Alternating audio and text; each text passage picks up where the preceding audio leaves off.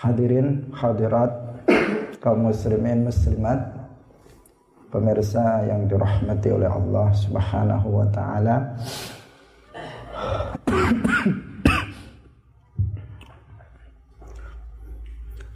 Pada pagi hari ini kita masih membahas tentang seputar akad pernikahan.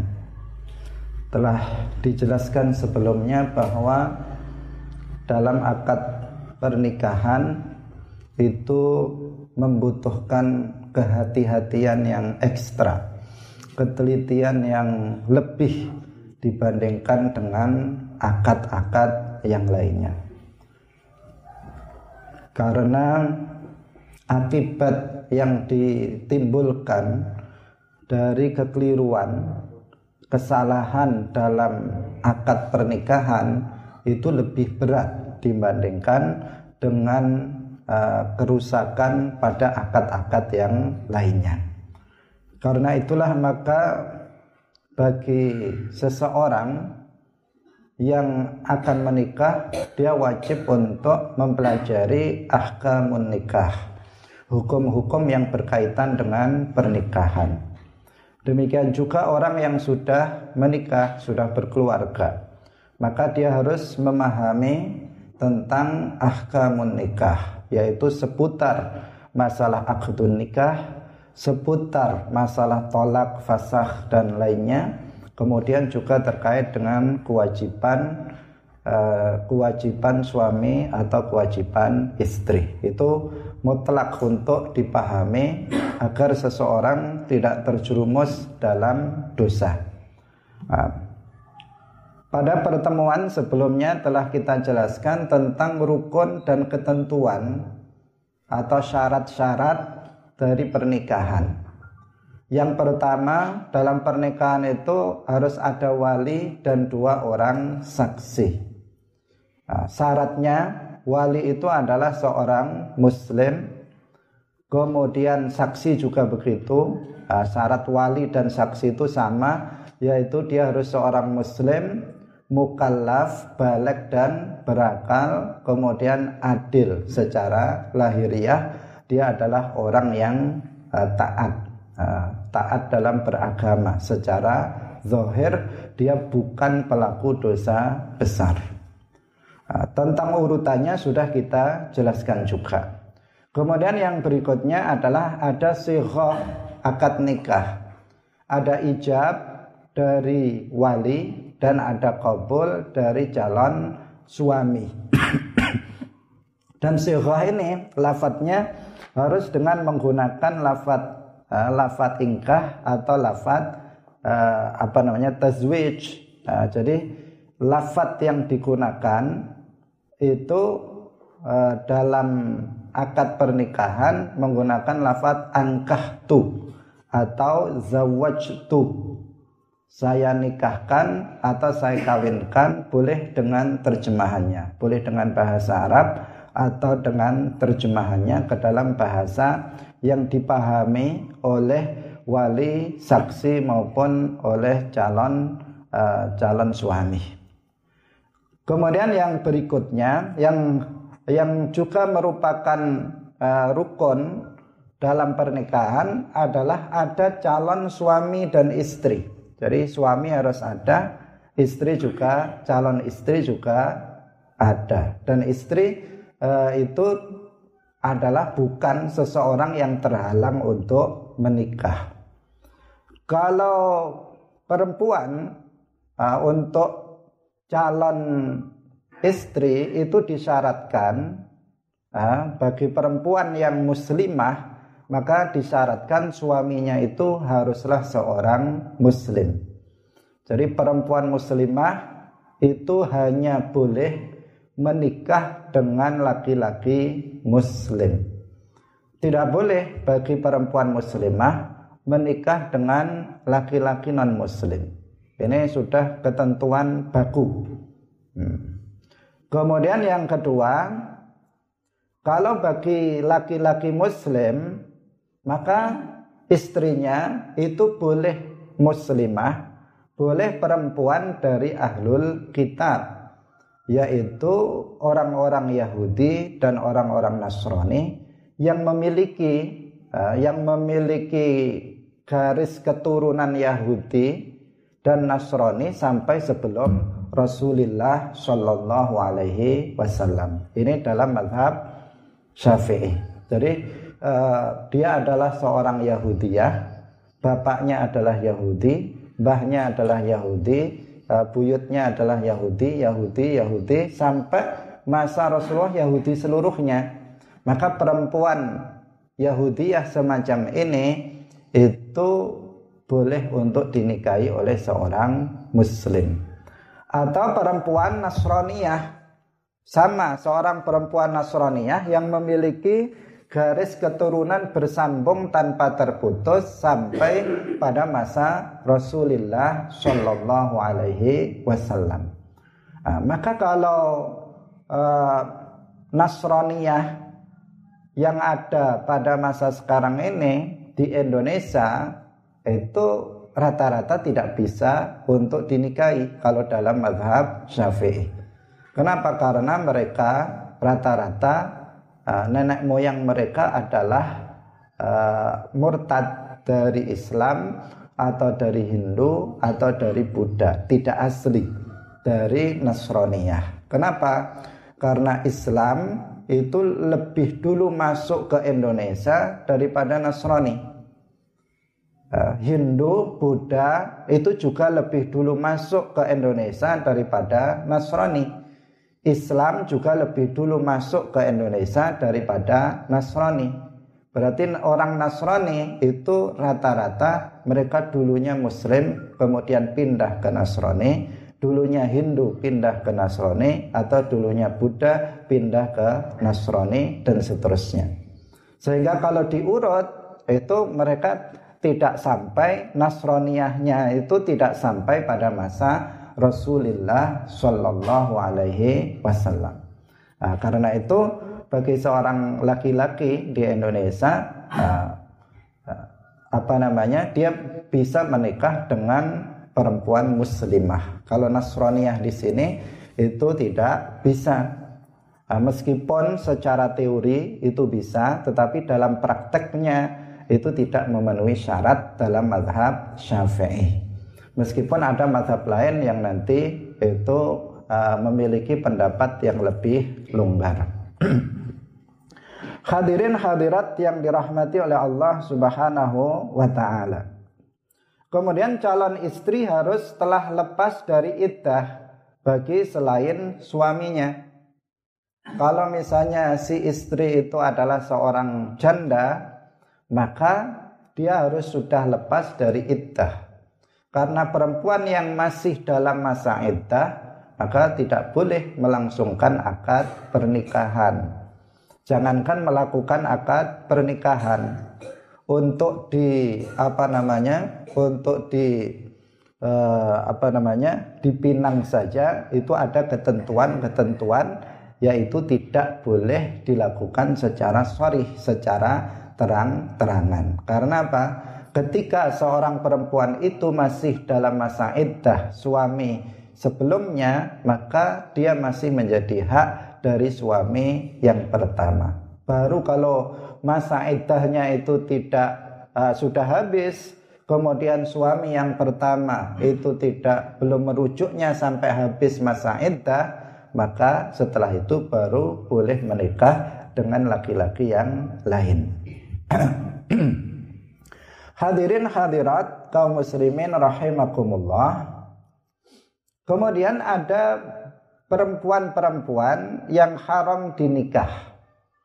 Nah, ini penting pengetahuan tentang hal ini. Nah, agar uh, seseorang tidak menikahi perempuan yang sebenarnya dalam syariat Islam itu tidak boleh dinikahi. Nah, jumlah keseluruhannya kalau di dalam Al-Qur'an surat An-Nisa ayat 22 sampai 23 itu 14. Ini secara global. Nah, secara global. Tetapi kalau di apa namanya? Kalau didetailkan maka lebih dari itu.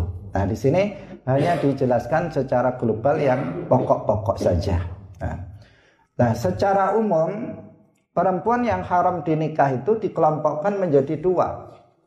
Yang pertama, perempuan yang haram untuk dinikahi selamanya. Jadi selama-lamanya nggak boleh dinikah. Yang kedua, perempuan yang haram dinikahi untuk sementara waktu.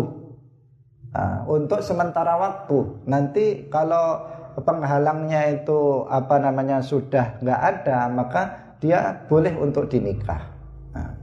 Perempuan yang haram dinikahi selamanya, inilah yang disebut dengan perempuan mahram.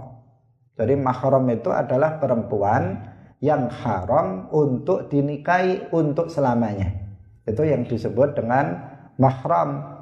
Bisa karena faktor nasab, bisa karena faktor rodoah atau persusuan, bisa karena faktor hubungan pernikahan atau musaharoh. Nah, menjadi mahram. Nah, kita jelaskan yang pertama, Nah, perempuan yang dini yang haram untuk dinikahi selamanya disebabkan nasab itu ada tujuh.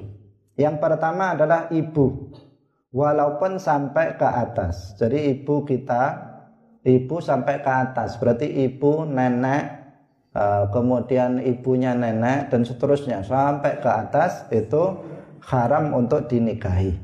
Ini yang pertama ibu ke atas, ibu sampai ke atas. Ini kan dihitung satu, tetapi kalau di apa namanya rinci jumlahnya sangat banyak. Kemudian yang kedua ke bawah yaitu anak perempuan. Walaupun sampai ke bawah cucu perempuan, cicit perempuan dan seterusnya. Uh, anak perempuan, kemudian anaknya anak anak perempuannya anak perempuan dan seterusnya itu juga haram untuk dinikah. Jadi eh, anak perempuan, cucu perempuan, cicit perempuan dan seterusnya. Nah, kemudian yang ketiga adalah saudara perempuan seayah seibu. Saudara perempuan kita seayah seibu, tunggal bapak, tunggal ibu. Itu juga haram dinikah. Kemudian saudara perempuan seayah saja, tunggal ayah beda ibu. Kemudian saudara perempuan tunggal ibu saja. Itu semuanya haram untuk dinikahi. Nah, bisa dipahami ya, saudara. Pokoknya saudara perempuan baik itu seayah seibu, baik itu seayah saja atau seibu saja itu haram untuk dinikahi.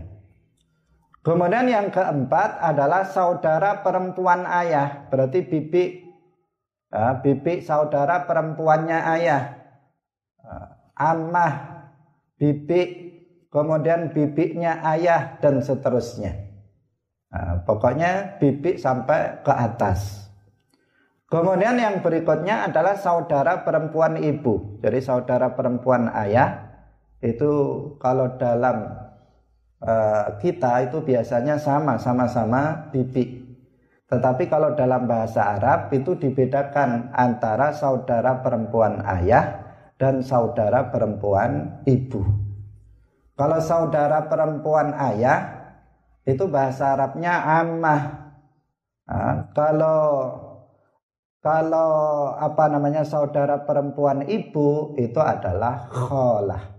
Uh, kholah itu saudara perempuannya ibu. Uh, kemudian bibi, bibinya ibu dan seterusnya ini juga diharamkan untuk dinikahi selamanya. Kemudian yang berikutnya yang keenam adalah anak perempuan saudara laki-laki. Kemenakan berarti anak perempuannya saudara laki-laki. Saya memiliki saudara laki-laki saudara laki-laki saya punya anak perempuan, maka anak perempuan ini haram untuk dinikahi. Nah, ke kemenakan, ya, kemenakan. Kemudian yang ketujuh, anak perempuan saudara perempuan. Nah, saya memiliki saudara perempuan, saudara perempuan itu punya anak perempuan, maka dia juga haram untuk dinikahi. Yang jelas berarti kemenakan kemenakan apakah itu dari jalur saudara laki-laki atau dari saudara perempuan itu haram untuk dinikahi selamanya. Nah, hadirin hadirat kaum muslimin muslimat pemirsa rahimakumullah. Kemudian yang berikutnya kalau yang tadi itu adalah tujuh orang yang diharamkan untuk dinikahi karena faktor nasab. Jadi langsung nasab keturunan. Kalau yang sekarang adalah perempuan yang haram dinikahi disebabkan faktor persusuan rodoah. Nah, karena eh, apa namanya menyusu kepada orang lain. Maka di sini eh, yang pertama adalah perempuan yang menyusui atau ibu susuan. Ummul murdiah itu hukumnya haram dinikahi oleh anaknya. Anak yang disusui tersebut diharamkan menikahi ibu yang telah menyusuinya. Kemudian yang kedua, saudara perempuan tunggal susuan. Jadi dia memiliki saudara perempuan bukan kandung tetapi e, menyusunya itu sama kepada orang yang sama. Jadi sama-sama menyusu kepada si A. Maka berarti e, dia anak tersebut perempuan tersebut adalah saudara dia sesusuan, sepersusuan yang disebut dengan al-ukhtu yaitu saudara perempuan uh, sepersusuan. Hadirin hadirat rahimakumullah.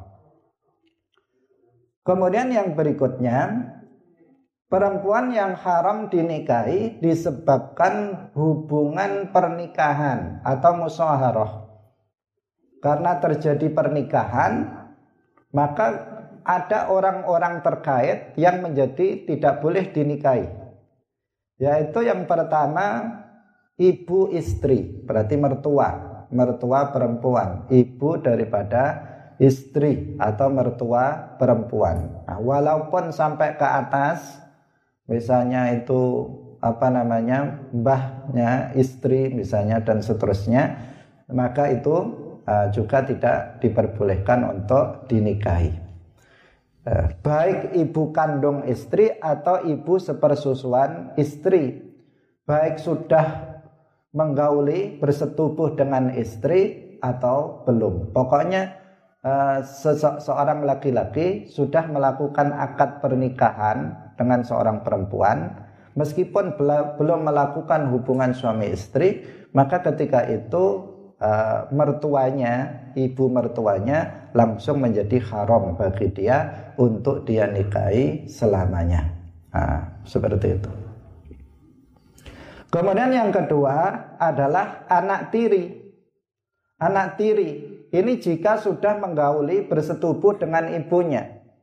Misalnya si A itu menikah dengan si B yang si B ini janda memiliki anak perempuan, anak perempuannya juga sudah dewasa misalnya.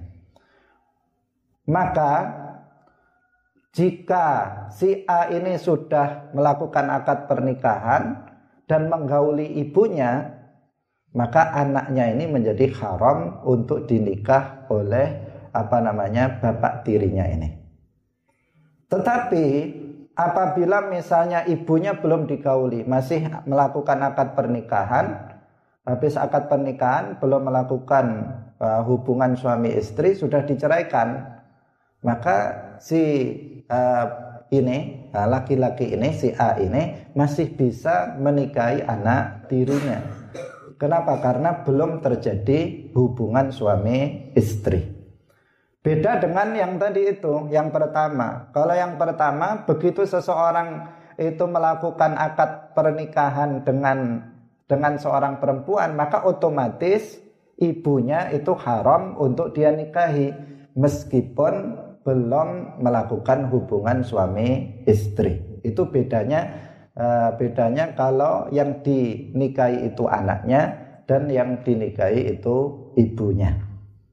Kalau yang dinikahi ibunya, maka uh, jika sudah digauli ibunya itu anaknya menjadi haram.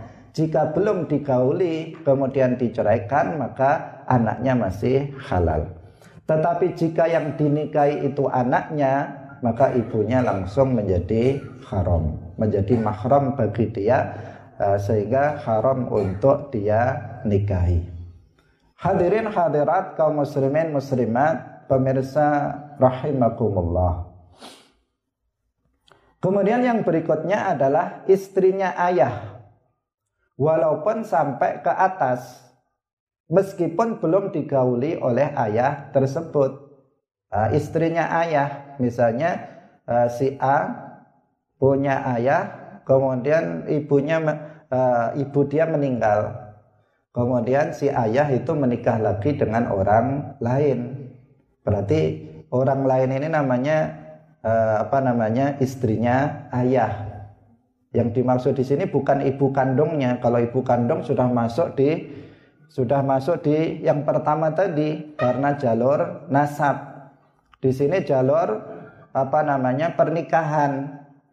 Jadi bapak dia itu duda, kemudian uh, bapaknya ini menikah dengan perempuan lain yang bukan ibu dia. Maka uh, perempuan tersebut istrinya bapak itu haram bagi si anak untuk menikahinya. Meskipun belum digauli. Ya, meskipun ibunya itu belum digauli. Hadirin hadirat rahimakumullah. Kemudian yang terakhir dari perempuan yang haram dinikahi disebabkan hubungan uh, pernikahan yaitu istri anak kandung. Istri dari anak kandung berarti menantu. Uh, menantu. Nggak boleh seorang bapak mertua itu menikahi uh, istrinya anak. Istrinya anak menantunya menikahi menantunya. Walaupun sampai ke bawah. Meskipun di sini belum digauli oleh anak tersebut tetap dia tidak boleh untuk menikahi istri dari anak kandung. Hadirin hadirat rahimakumullah.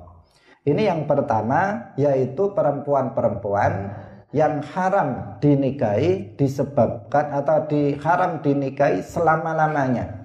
Baik itu disebabkan oleh nasab maupun uh, susuan maupun yang ketiga yaitu hubungan pernikahan. Nah, kemudian yang kedua yaitu haram dinikahi untuk sementara. Nah, haram dinikahi untuk sementara, tidak untuk selamanya. Haram perempuan itu haram dinikahi sekarang, tapi nanti bisa menjadi halal. Yaitu siapa? Nah, yang pertama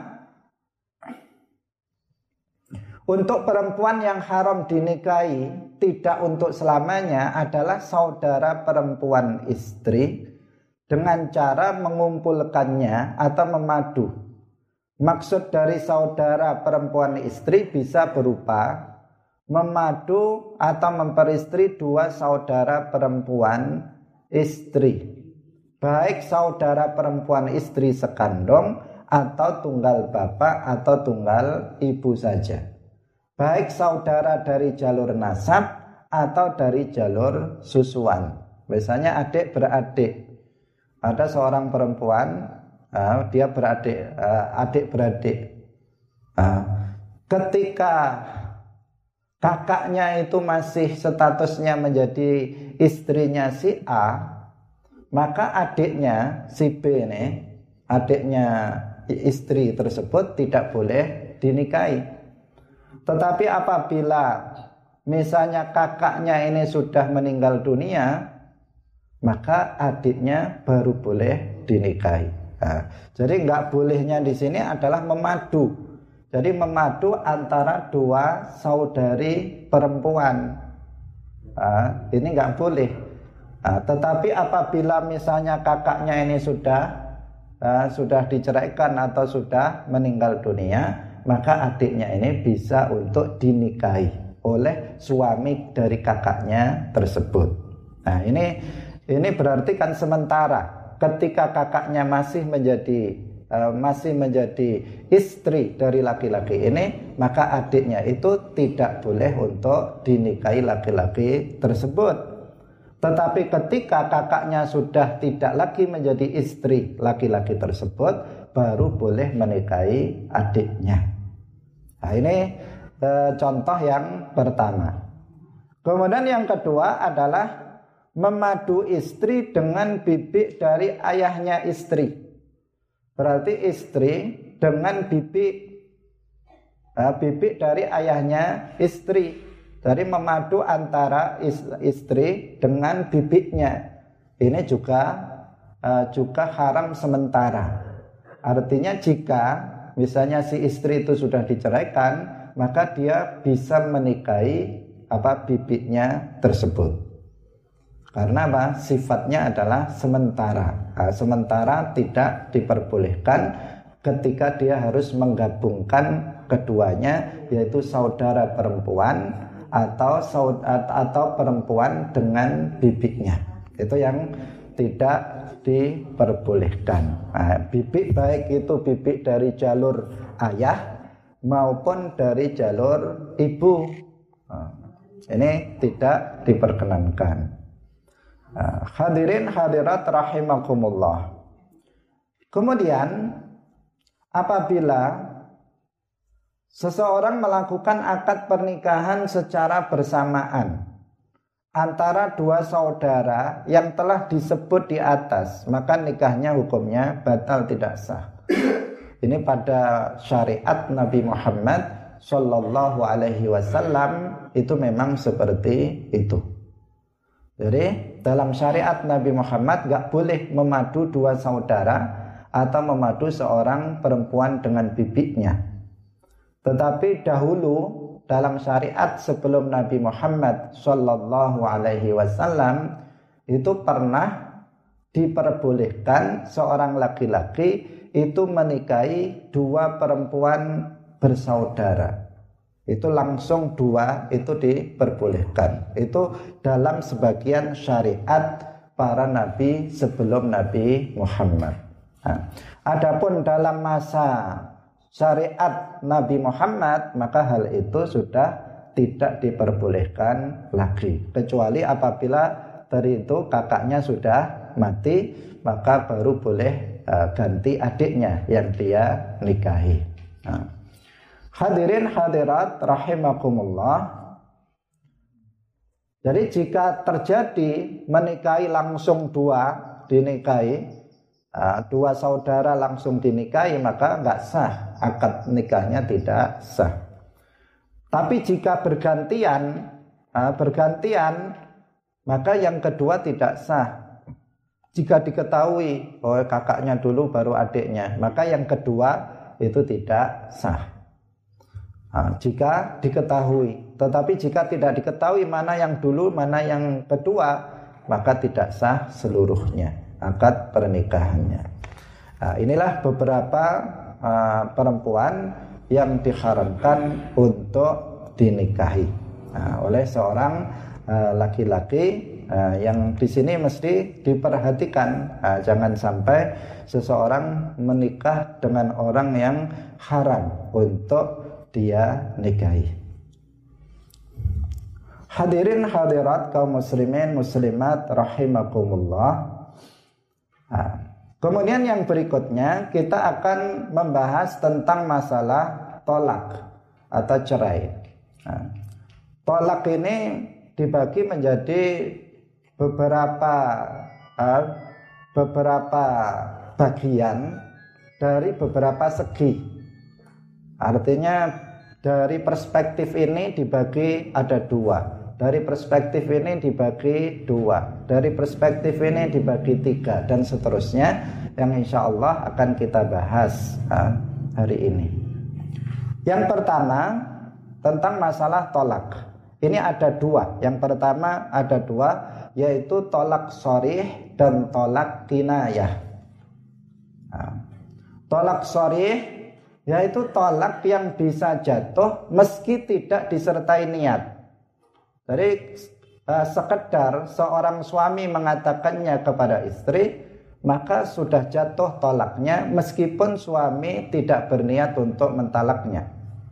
Nah. yaitu apabila seorang suami itu menggunakan kata-kata yang jelas, menggunakan kata-kata tolak atau cerai. Dia langsung mengatakan misalnya tolak ketuki, aku eh, aku tolak kamu, aku ceraikan kamu. Ini kan lafadznya lafadz yang jelas. Nah, di sini meskipun si suami itu tidak berniat untuk mentalak istrinya, maka istrinya sudah tertalak. Kenapa? karena lafat yang digunakan adalah lafat yang sorry lafat yang jelas yaitu menggunakan kata-kata tolak dan kata-kata cerai nah, saya ulangi lagi jadi tolak sorry ini jatuh meskipun uh, suami tidak berniat untuk mentalak istrinya karena dia menggunakan lafat yang jelas dalam menceraikan istrinya yaitu dengan kata-kata tolak atau kata-kata cerai. Nah, suami mengatakan saya ceraikan kamu.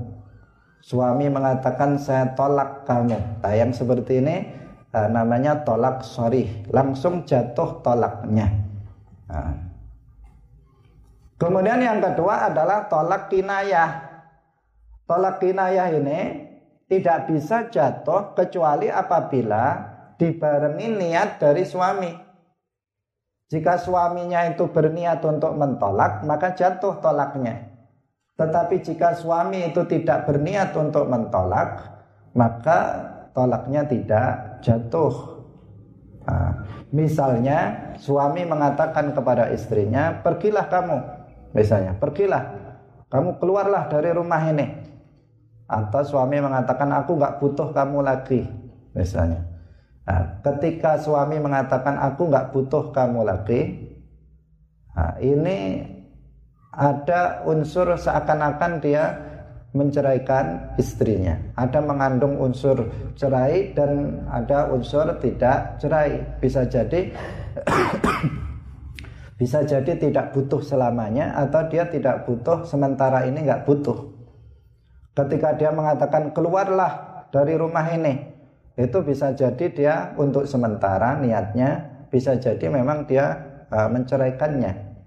Nah, ketika dia bilang pergilah kamu, misalnya suami mengatakan kepada istrinya, maka di sini ada kemung mengandung kemungkinan tolak dan kemungkinan bukan tolak. Nah, di sini membutuhkan apa niat dari suami. Maka suami ditanya, ketika kamu mengatakan kepada istrimu pergilah keluarlah misalnya aku nggak membutuhkanmu itu niat kamu apa? Jika suami mengatakan saya berniat untuk menceraikan dia maka jatuh. Maka jatuh cerai. Jika dia si suami mengatakan saya nggak berniat untuk menceraikannya saya hanya apa namanya uh, untuk memberikan pelajaran pada dia saja. Uh, tidak berniat untuk menceraikan istri saya, maka di sini berarti tidak tercerai. Itu yang disebut dengan kinayah. Jadi kalau sore itu langsung jatuh dengan niat atau tanpa niat tolak dari suami. Kalau kinayah maka di sini membutuhkan niat dari suami. Jika suami itu berniat untuk mentalaknya maka jatuh jika suami tidak berniat untuk menceraikannya maka tidak jatuh maka di sini seseorang harus berhati-hati tentang masalah tolak ini. Uh, karena tolak ini dalam kondisi uh, sungguh-sungguh itu bisa jatuh. Dalam kondisi bergurau itu juga bisa jatuh. Kalau seseorang menggunakan lafat yang sorry, meskipun dia bergurau, maka itu uh, talaknya akan jatuh. Dalam hadis disebutkan salasun jidduhunna jiddun wa hazluhunna jiddun. An nikahu wa talaku. Nah, ada tiga perkara. Sungguh-sungguhnya adalah sungguh-sungguh. Dan berguraunya itu juga dianggap sungguh-sungguh. Meskipun dia bergurau itu dinilai sungguh-sungguh. Apa itu? Yaitu nikah tolak, dan roj'ah. Nah, tiga, tiga hal ini termasuk tolak. Nah, jika seseorang itu misalnya bergurau, suami mengatakan kepada istrinya, aku tolak kamu. Nah, maksud dia bergurau, maka tetap jatuh. Kalau dia menggunakan lafat yang sorih seperti itu. Nah, misalnya suami gurau mengatakan aku ceraikan kamu, maka jatuh uh, cerainya uh, seketika itu meskipun suami tidak berniat untuk menceraikannya. Kenapa? Karena lafat yang dia gunakan adalah lafat yang sorih. Nah, ketika seseorang menggunakan lafat yang sorih dalam tolak maka akan jatuh tolaknya berniat atau tidak berniat untuk menceraikannya. Nah, karena itu seorang suami harus berhati-hati agar tidak muncul penyesalan di belakang hari. Karena itu sangat penting bagi seorang suami istri untuk memahami ini. Ada sebagian laki-laki setiap kali marah dia mengatakan saya ceraikan kamu. Setiap kali emosi dia mengatakan saya ceraikan kamu. Nah, setiap kali dia marah dia menceraikan istrinya. Jatuh apa tidak? Jatuh. Kalau dia mengatakan saya ceraikan kamu, maka jatuh. Meskipun dalam keadaan emosi. Nggak boleh, nggak bisa setelah itu kemudian dia mengatakan saya tadi emosi. Nah, meskipun dia mengatakan saya tadi emosi, itu tidak dimaafkan. Karena apa? Dalam keadaan sungguh-sungguh tolak itu tolak dalam keadaan gurau tolak itu adalah tolak nah, tidak bisa dibuat main-main. Uh, meskipun seseorang dalam keadaan emosi seseorang dalam keadaan marah besar ya tidak diperbolehkan dia uh, tidak sehendaknya dia dengan mudah mengucapkan lafaz cerai.